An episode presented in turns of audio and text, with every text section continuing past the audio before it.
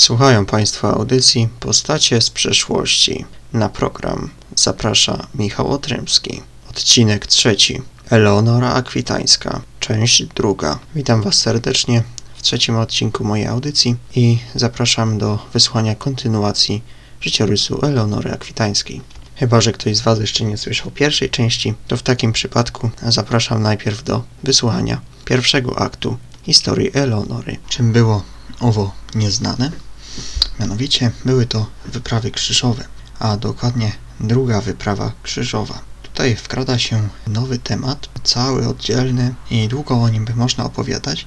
Ja się to postaram zrobić w skrócie, bo jak możecie wiedzieć, to w roku 1147 właśnie została zorganizowana druga krucjata, druga wyprawa krzyżowa i król stwierdził, że będzie walczył po stronie chrześcijan, a dodatkowo miał zamiar odwiedzić grób pański w Jerozolimie, aby tam się modlić. Uważał, że ta wyprawa może odkupić jego winy i jednocześnie spowodować, że uda mu się spłodzić męskiego potomka. Teraz chciałbym krótko opowiedzieć o tym, czym były wyprawy krzyżowe, bo pewnie każdy z Was o nich słyszał, mniej lub więcej, lecz o co w nich tak naprawdę chodziło? Krucjaty, czyli wyprawy krzyżowe, to były takie wyprawy zbrojne, które były inicjowane przez papieża. Krucjaty organizowano przeciwko muzułmanom, ale w późniejszym czasie także przeciwko poganom, a nawet przeciwko innym odłamom chrześcijaństwa, ale to w późniejszym czasie. Te numerowane krucjaty, które, o których mogliśmy słyszeć na przykład na historii, czyli tam pierwsza krucjata, druga krucjata, to były e, wystąpienia przeciwko muzułmanom. I tutaj pojawia się cała historia wypraw krzyżowych, tych numerowanych, inicjowanych przez papieża przeciwko muzułmanom właśnie było siedem, ale były także właśnie, jak wspomniałem, przeciwko poganom, przeciwko innym odłamom chrześcijaństwa, później w czasie reformacji, reformacji, jak wiemy, gdzieś tam XVI wiek i były także takie wyprawy ludowe, czyli taka chłopska samowolka. E, były trzy takie wyprawy. Trzecią z takich wypraw, trzecia z tych wypraw przeszła do historii jako krucjata dziecięca, krucjata dzieci. Te wszystkie wyprawy ludowe skończyły się niepowodzeniem, sromotną klęską, masakrą, i były z punktu widzenia historii były kompletnie bezsensowne, ale my chcemy się skupić na tych głównych, bo to one mają wpływ na historię naszej bohatery. Najpierw wspomnę o pierwszej wyprawie, dość chwalebnej, bo wygranej. Pierwsza wyprawa krzyżowa, pierwsza krucjata, była to wyprawa wojenna, która właśnie zainicjowała ten okres krucjat. Zwołał ją papież Urban II na synodzie Clermont dnia 27 listopada 1095 roku.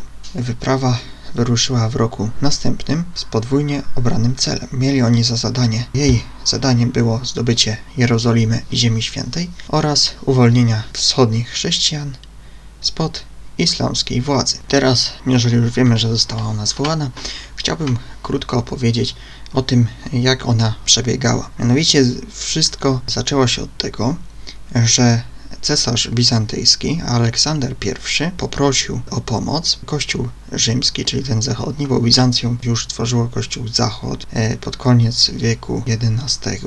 Mówimy tutaj o okresie już o czasie po schizmie wschodniej i jak mówię tutaj cesarz e, bizantyjski Aleksander I zaapelował do Kościoła rzymskiego o pomoc w walce z Turkami seldżuckimi i o pomoc w odzyskaniu utraconych ziem w Antiochii. Nawezwał więc zachodnich, zachodni kościół, zachodnich rycerzy do pomocy. To wezwanie e, szybko przerodziło się w taką reakcję, w takie zbrojne zebranie rycerstwa, czy też e, prosty chłop z zachodu. No i e, oni wszyscy ruszyli przeciw, ruszyli zarówno lądem, jak i morzem w stronę Jerozolimy. Jerozolimę zajętą przez Turków seldżuskich udało się zdobyć ostatecznie w dniu 15 lipca 1099 roku i ustanawiając tam królestwo jerozolimskie. Co prawda, Królestwo Jerozolimskie trzymało się zaledwie przez okres dwóch wieków, jednakże pierwsza wyprawa krzyżowa naprawdę zapisała się w historii jak taki bardzo ważny punkt. Dlaczego? Dlatego, że była to pierwsza wyprawa krzyżowa i dodatkowo pierwsza i jedyna, która zakończyła się pełnym sukcesem. Tyle na temat pierwszej wyprawy krzyżowej, bo z nią nasza bohaterka nie miała nic wspólnego. My tutaj chcemy skupić się na drugiej krucjacie. Tym razem zainicjował ją biskup Bernard oraz papież Eugeniusz III. I tutaj papież obiecał, jak to później było już w zasadzie tradycyjne przy wyprawach krzyżowych, papież wydał taki specjalny dokument pieski, czyli bulle i na jego mocy obiecywał wszystkim wiernym, którzy ruszą na tą krucjatę, odpuszczenie wszystkich grzechów w momencie którym oni się na nią wybiorą albo umrą na tej krucjacie, obiecywał puszczenie wszystkich grzechów. E, przyczyną krucjaty, tej drugiej, był napad muzułmanów na chrześcijańskie miasto Edessę. Władcą Edessy był wtedy Joscelin i klęski tego miasta sam był sobie niejako winien, ponieważ e, Joscelin rządził nieudolnie, miastem źle zarządzał, dbał bardziej o siebie, a nie o miasto, nie dbał o kwestie obronności miasta, był on skupiony na swoich interesach, a nie na tym, żeby to miasto mogło dobrze funkcjonować i bronić się przed ewentualną napaścią. W końcu było położone w takim blisko terenów zamieszkiwanych przez muzułmanów, a było miastem chrześcijańskim. Niedaleko od Edessy leży Antiochia, Antiochii, którą władał stryj Eleonory, Raimund niezbyt lubił się z Joscelinem, przez co nie chciał go wesprzeć zbrojnie. Tak więc Raimund był księciem Antiochii i niezbyt chciał pomóc w obronie Edessy. I dopiero gdy padła Edessa, do czego sam się w pewnym stopniu przyczynił, odmawiając pomocy Joscelinowi, zrozumiał, że teraz w bezpośrednim niebezpieczeństwie znajduje się jego posiadłość, gdyż Antiochia była bardzo blisko Edessy. Dlatego postanowił błagać wręcz o wsparcie rycerzy i władców europejskich. Prosił on m.in. właśnie Eleonory, która była z nim spokrewniona. Teraz pojawia się wątek udziału naszej bohaterki, tej oto wyprawie krzyżowej. Miała ona już podwójny powód. Pierwszym była decyzja męża o odkupieniu swoich win i jednocześnie odpowiedzeniu na wezwanie papieża. Drugi powód prośba jej stryja Raimunda. Tak więc Eleonora zawezwała swoich wasali z Akwitanii do udziału w wyprawie. Przenieśmy się teraz do roku 1147, w którym nasza bohaterka, jak można policzyć, miała 25 lat i została zorganizowana Saint-Denis, w katedrze, której już była mowa, została zorganizowana taka uroczystość przed wyjazdem królewskiej pary na wyprawę krzyżową. I podczas tych uroczystości w katedrze Eleonora z mężem otrzymali błogosławieństwo od samego papieża Eugeniusza III, czyli najwidoczniej się musiał pofatygować, żeby podjechać do Akwitanii na samą wyprawę krzyżową. Król i królowa wyruszyli 11 czerwca 1147 roku. Podróż była długa, nużąca, męcząca i ciągnęła się niemiłosiernie. Królewska para wraz z całą armią Francji wraz ze swoimi wasalami ruszyli podróż, podróż przez Europę aż do Azji. Podróżowali przez Węgry między innymi, aż wreszcie dotarli do Konstantynopola. W tym mieście zostali gościnnie przyjęci, iście po królewsku, z taką gościnnością wręcz niebywałą. Gościnność ta miała swój ukryty cel, mianowicie opóźnienie. Miała opóźnić wymarsz armii francuskiej, tak by uniemożliwić umożliwić im spotkanie się z armią jednego z przywódców krucjaty, niemieckiego władcy Konrad, cesarz Bizancjum, obawiał się bowiem, że te dwie armie, francuska i niemiecka zjednoczone, mogą, po tym jak już pokonają Turków, zwrócić się przeciw Konstantynopolowi. No i teraz jeśli chodzi o armię Konrada, władcy Niemiec, to ta armia została przez Turków zdziesiątkowana, przerzedzona. Frankowie najpierw dostali wiadomość, o napaści na mm, armię niemiecką, a następnie ów armia dołączyła się do niej. Oczywiście już w znacznie mniejszym gronie, znacznie mniej liczna. W styczniu 1148 roku, podczas pobycie y, trzytygodniowym w Konstantynopolu, królewska para wraz ze swoją świtą i całą armią dali się w dalszą. W styczniu 1148 roku, podczas przeprawy przez góry, krzyżowcy zostali zaatakowani przez Turków król Ludwik o mało nie stracił życia. Jeżeli chodzi o powód tego ataku, to tutaj wiąże się to z samowolką i w ogóle nieracjonalnym postępowaniem wasala Alienor, Gottfrieda. Pewnego wieczoru, kiedy jechał na czele armii, wydano rozkaz, aby rozbić obóz na wzgórzu nieopodal góry Kadmos, polanie na tyle dużej, by pomieścić e, całą armię. Gottfried, e, Gottfried przybył na to miejsce, lecz zobaczył, że nie, nie jest ono dobre do rozbicia obozu, jest ono odsłonięte, oni byliby widoczni dla przeciwnika, dlatego zdecydował się właśnie na taką samowolkę. Ujrzał bowiem, że pod wzgórzem e, znajduje się taka ciemna dolina, gdzie płynęła woda i postanowił złamać rozkazy i skierować się właśnie ku tej dolinie, do wzgórza, zanim pojechała spora część armii. No i zostawili bez jakiejś większej obstawy króla i królową, więc armia rozdzieliła się na dwie części. Przy tym e, bardzo się rozciągnęła. Turkowie Seldżucy tylko na to czekali, no i wyczekali. Po całym tym zajściu król bardzo zdenerwował się na bezmyślnych wasali, którzy opuścili i popełnili samowolkę, pozostawiając ich na niebezpieczeństwo napaści Turk. Początkowo król Ludwik chciał ich stracić, jednak Eleonora postanowiła się stawić za nimi i uchronić ich życie od śmierci. E, nieposłuszni wasale zostali w końcu wysłani do Francji. Pod koniec stycznia 1148 roku Europejczycy wyszli z gór i stanęli przed takim dużym dylematem, ponieważ no wiadomo, byli już zmęczeni, konie, na których jechali, też były wyczerpane, nie mieli już za dużo żywności, no i perspektywa dalszej wędrówki przez takie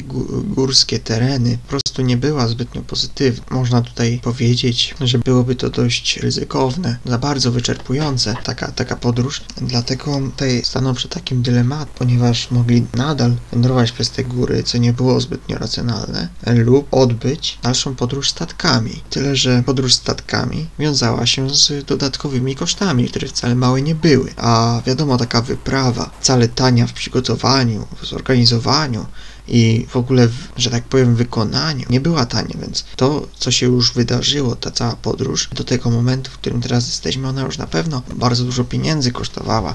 Skarbiec królewski pewnie wiele na tym stracił i też mm, przy sobie nie mieli pewnie zbyt dużych ilości gotówki, dlatego był to spory dylemat, czy wystawiać się na takie złe warunki i no dość spore ryzyko wędrując przez góry. Też może wydać więcej pieniędzy, ale troszkę spokojniej przepłynąć tam drogę na statkach. No i tutaj wybrano właśnie podróż drogą wodną, ponieważ martwiono się o zdrowie królewskiej pary, przez to, że byli no, po prostu królem i królową, ale też z drugiej strony dlatego, że nie mieli męskiego potomka i wciąż na niego czekali. Dlatego tutaj po prostu było podwójne ryzyko, że no nie dość, żeby wiadomo mógł zginąć król i królowa, to jeszcze w dodatku nie pozostawiliby po sobie męskiego potomka i kwestia później dziedziczenia tronu byłaby tutaj skomplikowana, a tereny, którymi gdzieś tam wspólnie władali, były spore naprawdę i wpływy z tych terenów były bardzo duże, dlatego byłby to duży problem. Dlatego też zdecydowano o tym, żeby wydać te pieniądze na statki i udać się w dalszą podróż drogą wodną. No i tutaj król,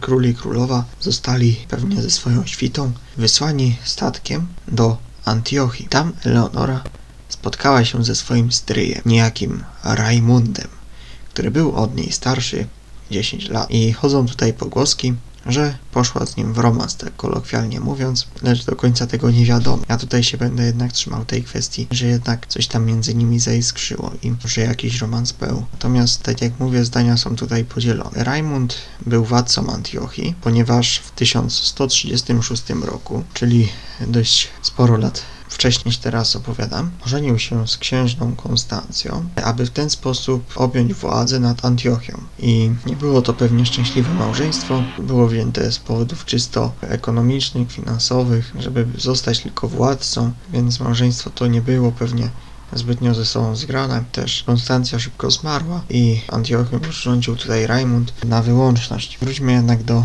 Leonory. Co do Rajmunda, no to przebywali ze sobą przez jakieś dłuższy czas i tutaj chodzą nawet pogłoski o tym, e, że Eleonora, e, że zaszła z nim w ciążę. Dlatego później się jeszcze do tego odniosę, tylko tak wspominam o tym fakcie, który faktem nie jest. Wspominam o tym, tej możliwości teraz, żeby później nie wyskoczyło to jak e, królik z kapelusza. Przejdźmy teraz do dalszej części drogi. Po wybyciu z Antiochii udali się w dalszą podróż ku Jerozolimie. Podróżując dalej, Eleonora spędzała czas w towarzystwie młodych szlachciców. To jej zachowanie nie podobało się królowi, gdyż Eleonora zasięgała właśnie takich rozrywek. Król w tym samym czasie zachowywał się bardzo skromnie, dużo się modlił, martwiał się, a jego małżonka, mimo nawet papieskiego zakazu, e, chodziła ciągle ubrana w pięknych sukniach, e, kazała sobie grać różnym trubadurom i na tej wyprawie doskonale się bawiła. Tutaj widać taki, widać ewidentnie w tym, że na tą wyprawę ona jechała bardziej z przymusu. Widać, że tego nie chciała. Przejdźmy teraz do roku 1149, w którym przybyli w końcu do Jerozolimy. W trakcie podróży Eleonora była w ciąży, a ojcem dziecka, które no- nosiła, był najprawdopodobniej jej stryj Raimund. W przypadku tego dziecka Eleonora niestety po raz kolejny poroniła. Miała w tym momencie 27 lat. Nie przejdźmy teraz do momentu, w którym ruszyli dalej w kierunku Jerozolimy. W 1148 roku Ludwik VII zdecydował, że już nie chce kontynuować krucjaty, lecz chce się udać do Jerozolimy, by nawiedzić grób pański. Alienor zareagowała bardzo stanowczo. Zażądała widzenia z mężem i wytłumaczyła mu, że jest to zła decyzja i że ona się z tym nie zgadza. Oświadczyła, że jej wasale będą kontynuować wyprawę krzyżową, aż osiągną zamierzony cel i odbiją Edessę z rąk muzułmanów. E, królowi się to nie spodobało i postanowił Eleonorę uwięzić. Była ona e, znaczącą osobą, znaczącą postacią. Jej zdanie było odmienne od zdania króla, dlatego na rękę było mu uwięzić nawet swoją żonę, nawet królową, tylko po to, żeby nie przeszkadzała, żeby to jego decyzja była tą decyzją przewodnią i to, żeby jego, jego postanowienia były wzięte jako te jedyne słuszne. Tak więc król kazał Eleonorę aresztować, a następnie trzymał ją pod strażą, by przypadkiem czegoś nie nawywijała, co by było mu nie na rękę. W końcu jaki byłby jego obraz jako władcy, gdyby część armii nie była mu posłuszna, lecz słuchała się jego żony to w dodatku kobiety, a kobiety w tamtych czasach nie, nie miały zbyt liczącego się zdania i zbyt ważnej funkcji. Przejdźmy więc do tego, co pod nieobecność żony robił Ludwik. Mianowicie, po tym jak już król pokazał swoją wielką siłę i niezależność, wybrał się do Jerozolimy. Będąc już w Jerozolimie, Ludwik porozumiał się z władcą Niemiec, Konradem i udali się do Damaszku. Damaszek obecnie jest to stolica Syrii. Po wyzwoleniu miasta e, powrócili oni do Jerozolimy. Było to w okolicach października 1148 roku. Pielgrzymka więc osiągnęła swój cel. Król Ludwik mógł być w okolicach grobu pańskiego i nie miał zamiaru się stamtąd za szybko ruszyć. Jak już wspomniałem, najprawdopodobniej był październik 1148 roku. E, król nie dość, że przesiedział tam do końca roku, e, spędził tam Boże Narodzenie, postanowił zostać tam aż do Wielkanocy roku następnego, 1149. Po Wielkanocy 1149 roku król postanowił ekspedycję do Ziemi Świętej zakończyć. I teraz armia Franków wyruszyła z powrotem do Francji. Król i królowa wracali osobnymi statkami. Co prawda Eleonora była już wolna, bo już nie miała w czym jakby przeszkodzić królowi. Jeszcze wcześniej, będąc w Jerozolimie, była wolna, narzekała, że musi tak długo być w tej Jerozolimie, że jednak nakłaniała męża do tego, że jednak lepiej wrócić szybciej e, do Francji, do Akwitanii.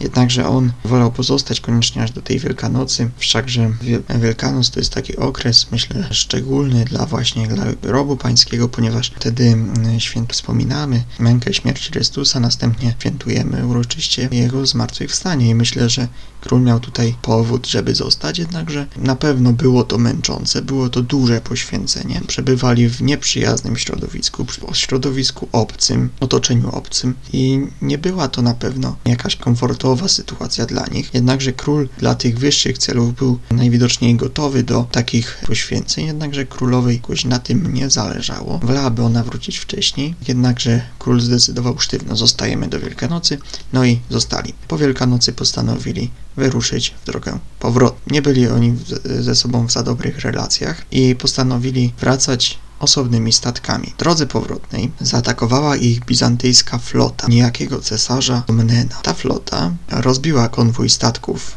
e, Franków I za sprawą tego rozboju został oddzielony od innych statek z naszą królową na pokładzie. Tutaj rodzi się takie, przypuszczenie, że królowa znalazła się wtedy w Tunezji, że ten statek z nią dobił do Tunezji, jednakże nic tego nie potwierdza. Jedyną wiadomą rzeczą jest to, że w końcu zarówno statek króla, jak i królowej, najpewniej w różnym czasie, znalazły się zgodnie z planem w Palermo na Sycylii, ponieważ tam król i królowa mieli odwiedzić króla Palermo Rogera II. Król ten ugościł ich e, w swoich posiadłościach, przebywali tam kilka tygodni. E, w tym czasie Eleonora chorowała, była ciężko chora. Dodatkowo, myślę, taką wieścią, która powodowała zły nastrój e, Eleonory, była wieść o tym, że jej stryj Raimund został zabity w bitwie pod Aleppo, zginął w bitwie pod Aleppo. Co więcej, doniesiono jej, że głowę Raimunda wysłano w prezencie kalifowi Bagdadu. Bagdad, stolica Iraku aktualnie. Zrozpaczona Eleonora na pewno była zrozpaczona tą, tym doniesieniem i zaistniałą sytuacją.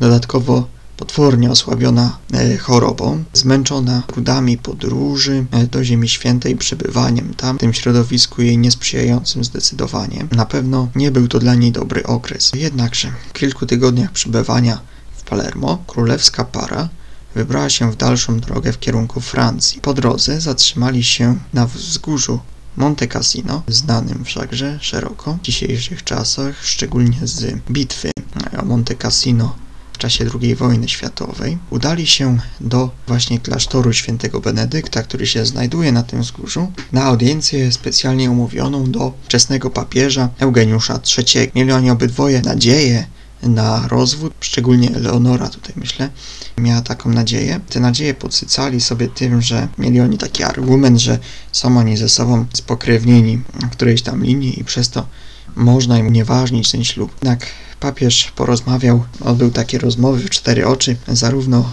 z Ludwikiem, jak i z Alienor. I teraz przejdźmy do wniosków, które z tej rozmowy wypłynęły, szczególnie z Eleonorą. E, dowiedziała się ona, że są oni małżeństwem i nie ma podstaw, e, żeby to małżeństwo unieważnić. Uważał papież, że to pokrewieństwo nie jest na tyle bliskie, żeby to w czymś tutaj miało przeszkodzić i to nie jest żaden argument, żeby małżeństwo unieważnić, nie ma też innych argumentów, dlatego tego mm, małżeństwo zostało unieważnione. No, mieli już ze sobą dziecko mm, wspólnie, córkę Marię, która pod ich nieobecność została pod opieką siostry Alienor Petronelli, o której już wspominałem. Jeżeli chodzi o dalsze wnioski z tej rozmowy, e, papież nakazał jej, nakazał Eleonorze trzydniowy post, także odnowienie ślubu. Eleonora oczywiście pościła przez trzy dni i na początku jeszcze w obecności papieża królewska para odnowiła swój ślub. Eleonora po odbyciu tego postu i odnowieniu przysięgi małżeńskiej, poczuła się trochę lepiej, odzyskała troszkę nadzieję, że ich małżeństwo może się poukładać. Jednakże już po niedługim czasie żałowała tego. Żałowała tego, że odnowili przysięgę małżeńską i była niezadowolona z faktu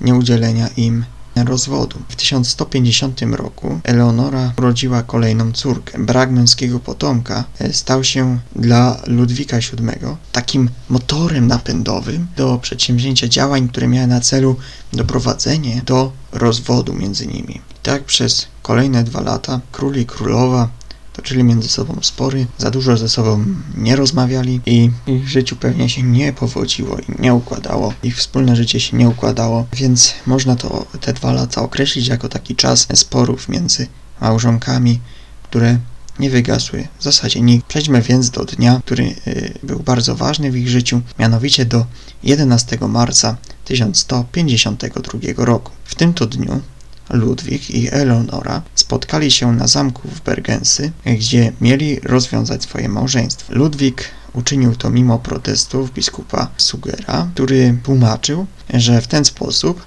Francja utraci Akwitanię. 21 marca czterech biskupów z czterech arcybiskupstw, jak można wywnioskować, za zgodą papieża Eugeniusza uznało małżeństwo nieważnym na skutek zbyt bliskiego pokrewieństwa między małżonkami. Nieoficjalną też przyczyną tego rozwodu było złe zachowanie Alienor podczas wyprawy krzyżowej, a także ciągłe kłótnie pomiędzy małżonkami i malejące szanse na spłodzenie męskiego potomka w tym związku. Opiekę nad córkami królewskiej pary, Marią i Alicją, powierzono Ludwikowi. Była taka rozmowa też między Alinor a jej siostrą. Starała się przekonać Leonorę, że w ten sposób, biorąc rozwód, no, straci też, że tak powiem, rodzicielstwo nad swoimi córkami. Eleonora powiedziała, że przecież nie będzie to dla niej duża strata, gdyż te córki nawet jej nie znały jako matki.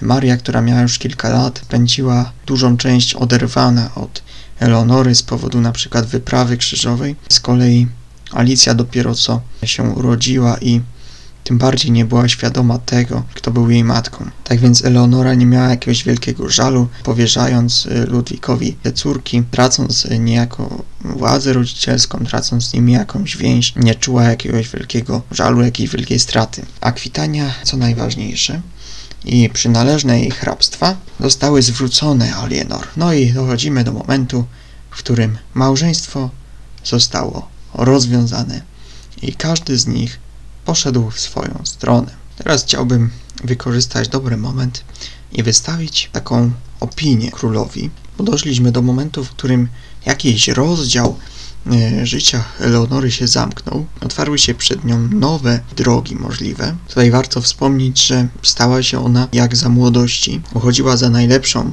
partię w Europie i każdy młodzieniec, i nie tylko młodzieniec, bo Myślę, że każdy facet, który liczył na jakieś wpływy, chciałby mieć ją e, za żonę albo wydać za nią swoje, swojego syna, no e, stała się ona znowu, myślę, takim obiektem zainteresowań. Wyjechała ona w tym rozwodzie jako dama stanu wolnego, no więc, więc była znowu wystawiona na możliwość e, wszelakiego ataku, jakichś prób porwania, tak, co, naj, co, co więcej, takie próby były, mianowicie brat przyszłego męża Eleonory Henryka, Gottfried, e, to imię też najwidoczniej było w Akwitanii bardzo, e, bardzo i w okolicy bardzo popularne ówcześnie. Gottfried, który był od Eleonory prawie o połowę młodszy, zastawił zasadzkę, którą co najwięcej, co, naj, co najlepsze Eleonora o mało nie wpadła. Zasadzkę kolejną szykował też Tybalt.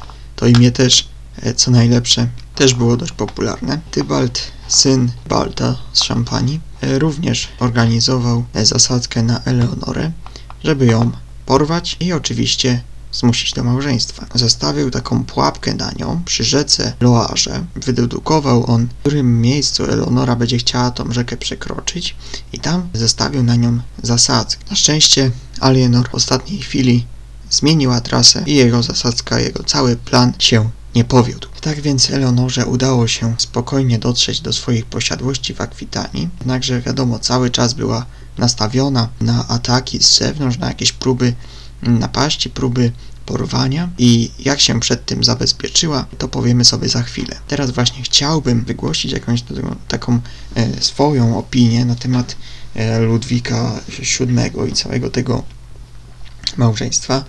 No musimy tutaj uwidzieć młodzieńca, który wchodzi w małżeństwo z kobietą, która do końca chciała być mu posłuszna, z kobietą, która miała swoje zdanie. No i tutaj taki y, młodzieniec, bardzo jeszcze w życiu niedoświadczony, e, wszedł w taki związek, no można powiedzieć, a w zasadzie trzeba, że poważny i troszkę nie umiał się w nim odnaleźć. Początkowo, wiadomo, robił to, co tradycja e, nakazywała. Na pewno było wesele, noc poślubne, odwiedzenie rodziców. To wszystko pewnie się toczyło tak, jak powinno się toczyć. Mm, natomiast po jakimś czasie, im dłużej byli małżeństwem, tym gorzej się im układało, tym gorzej się im wiodło. Spędzali ze sobą mało czasu. Tutaj winnym właśnie trzeba postawić Ludwika, który wśród tych swoich wszystkich spraw, obowiązków której może trochę miał, no ale też nie przesadzajmy. Król to przecież jeszcze taki młody, to nie był raczej człowiek 24 na dobę zajęty. Y, no troszkę, tak brzydko mówiąc, olewał swoją żonę. Nie chciał spędzać z nią czasu. No i to właśnie ten brak takiej jedności, brak spędzania ze sobą czasu, pogłębiania tej relacji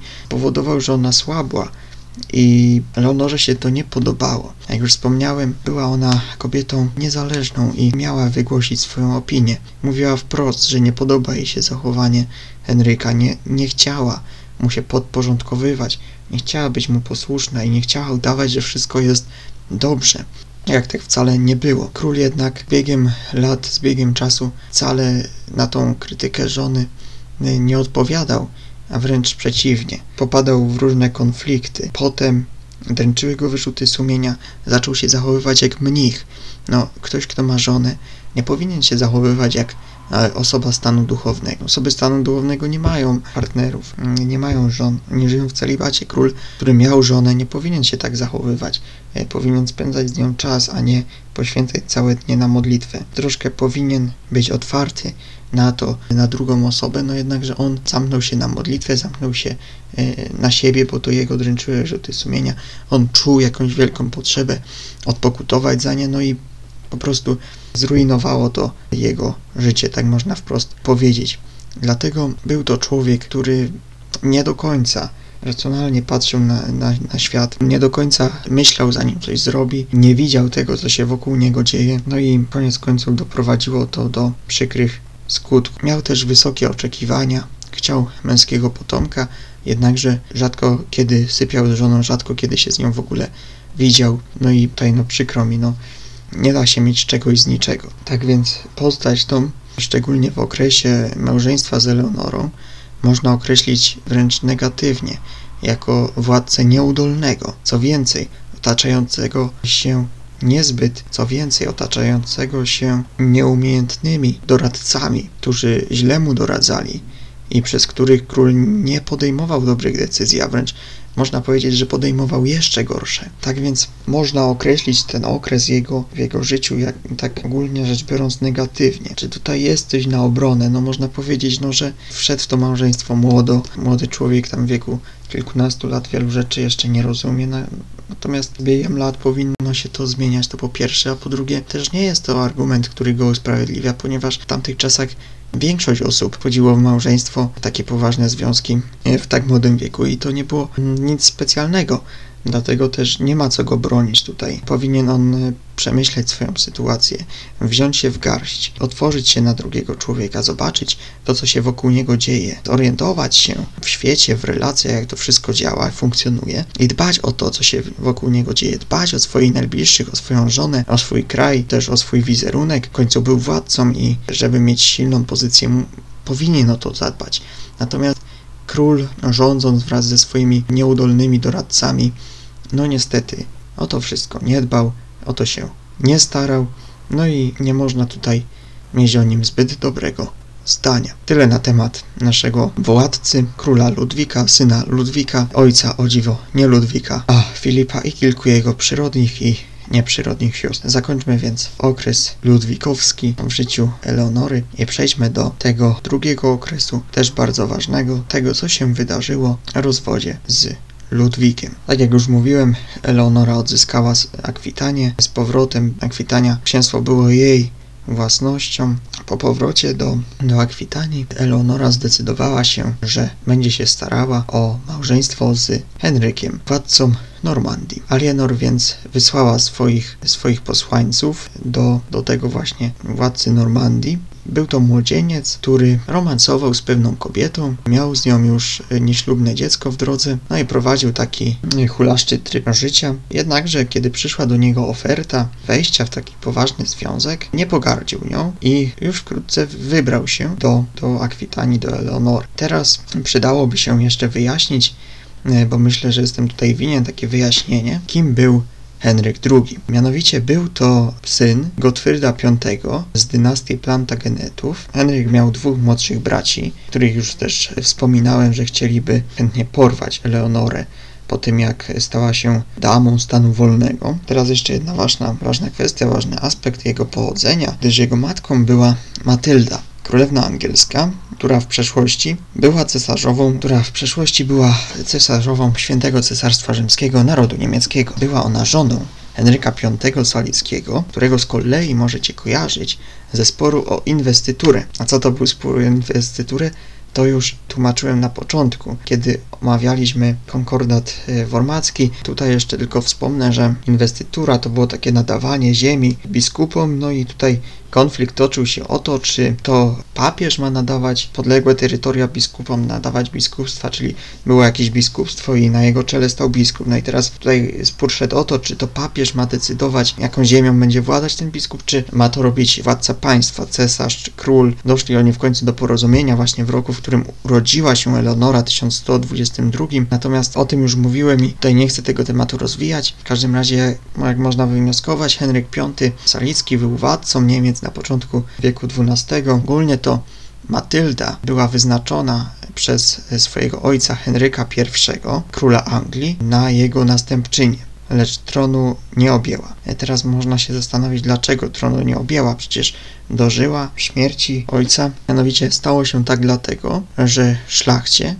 nie spodobała się wizja kobiety na tronie, a właściwie na czele państw i zignorowali zamysł, testament monarcha. Kandydatem szlachty stał się Tybalt z Szampanii, ale zanim zdążył się zdecydować i ze szlachtą do, dogadać, to Stefan, jego młodszy brat, wykorzystał zaistniałą sytuację. W zdobyciu korony angielskiej poparł go również jego młodszy brat, biskup Henryk, który miał pod swoją ręką, pod swoją pieczą klejnoty koronne. Tak więc to Stefan zaczął rządzić Anglią w 1135 roku po śmierci Henryka i jego właśnie matce po śmierci Henryka. Jego córce Matyldzie, matce Henryka II, nie udało się niestety objąć tronu.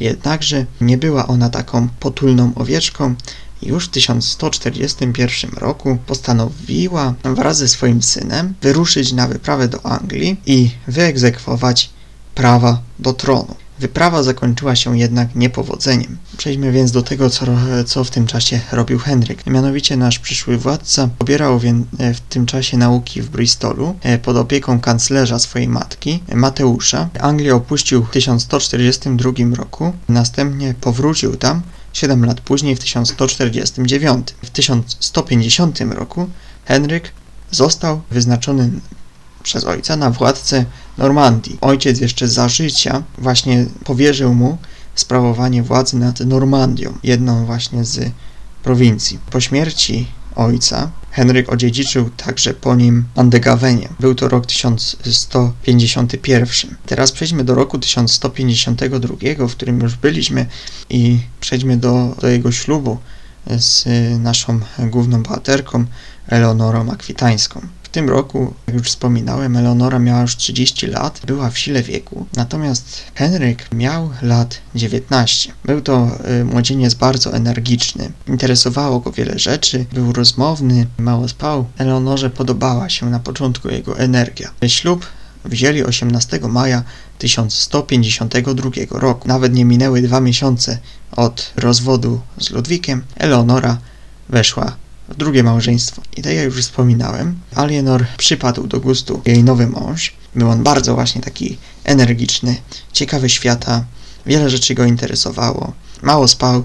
To był taki typ, który no wyobraźcie sobie, królową, która już gdzieś tam we wczesnych godzinach idzie do łóżka, leży, leży, oczekuje męża, a mąż przychodzi o pierwszej w nocy, kładzie się do łóżka, śpi, szósta rano, budzi się, i już go tam nie ma. Królowej się to zapewne nie podobało, jednakże ten, e, ten mąż miał dla niej więcej czasu niż Ludwik i gdzieś tam, mimo może tego, że Eleonora czuła się taka dla niego mało znacząca, że król może spędzał z nią mało czasu, to gdzieś tam jednak podziwiała ten jego, tą jego energię i z pewnością e, nie miała mu tego jakoś szczególnie za złe. Przejdźmy teraz do lata, do późniejszych okresów 1152 roku. Eleonora mm, wraz z Henrykiem udali się na taki objazd Akwitanii, pokazać ludności, że oto teraz Leonora ma nowego męża, że to teraz on jest też władcą Akwitanii. Wszakże Eleonora wniosła w charakterze posagu Akwitanię do małżeństwa. I tak minęła im reszta roku. Na takim objeździe Akwitanii w roku następnym, 1153, Henryk podjął próbę samodzielnego zdobycia Anglii. O przebiegu tej zbrojnej wyprawy opowiem już w następnym odcinku. Dziękuję Wam pięknie za wysłuchanie mojej audycji do końca i zapraszam już w niedalekiej przyszłości na kolejny odcinek życiorysu Eleonory Akwitańskiej. Pozdrawiam Was gorąco, życzę dobrego dnia czy tam dobrej nocy, w zależności od tego, kiedy mnie słuchacie. Do usłyszenia.